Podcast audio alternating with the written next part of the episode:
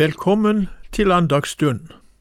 I denne uka så skal vi ta for oss noen kjerneord ifra Salmenes bok.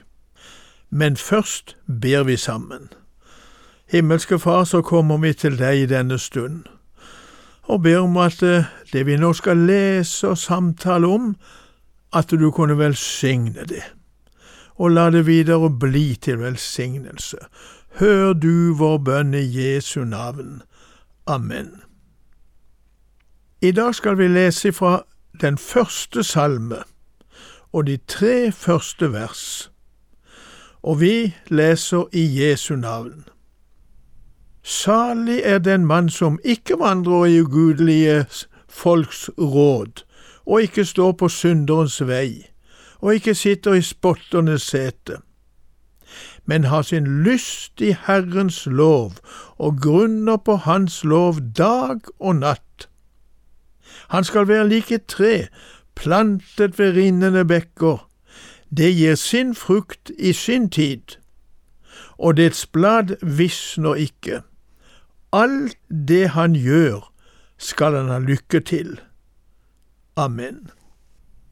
Salig er den som ikke vandrer i ugudelige folks råd, og ikke står på synderens vei, og ikke sitter i spotternes sete.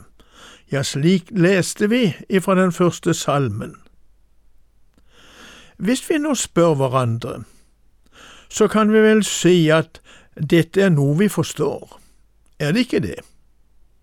At den som ikke vandrer i ugudelige folks råd, er salig, og heller ikke sitter i spotter og sete. Vi vil vel alle si at dette er noe vi slett ikke vil. Samtidig er veien dit ofte kort. Ja, kanskje før vi vet om det, så er vi i lag med de ugudelige og deres tanker, og har tatt plass i spotternes sete. I stedet for å falle i den fristelsen og ta plass sammen med dem som stadig har noe nedsettende å si om de andres liv og gjerning, så skulle vi ha vår lyst i Herrens lov. Ja, vi skulle grunne på den både dag og natt. Slik sto det i denne første salmen. Vi sier her at det salmisten skriver om, det er jo om vårt forhold til Guds ord. Er det noe som preger vår tid, ja, så er det vel mindre og mindre respekt for hva som står skrevet i Bibelens bok. Vi hører ofte i mange sammenhenger at det sies at vi må ta hensyn til menneskerettighetene, og det er sikkert bra. Likevel må vi spørre om at det høres like ofte i det vi kaller for det offentlige rom, at vi må ta hensyn til alt det som står skrevet i Bibelens bok, i Guds ord.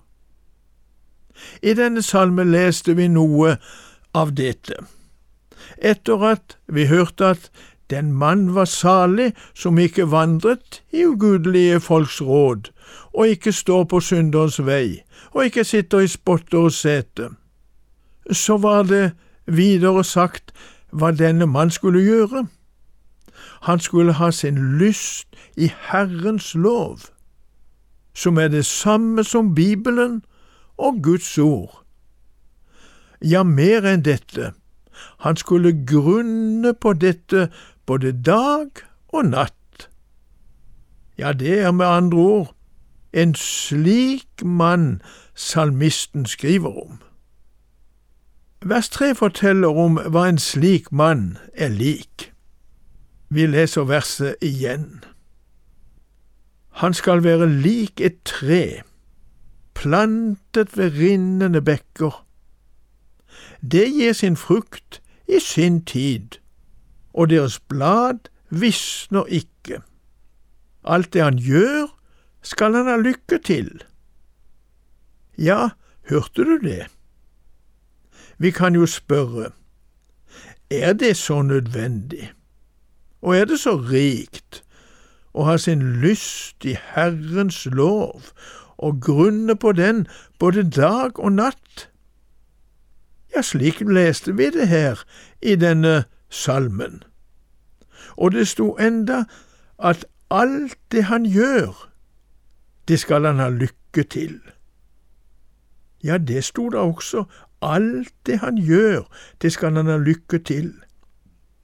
Dette treet, som han var lik, det sto altså plantet ved rinnende bekker og gav sin frukt i rette tid.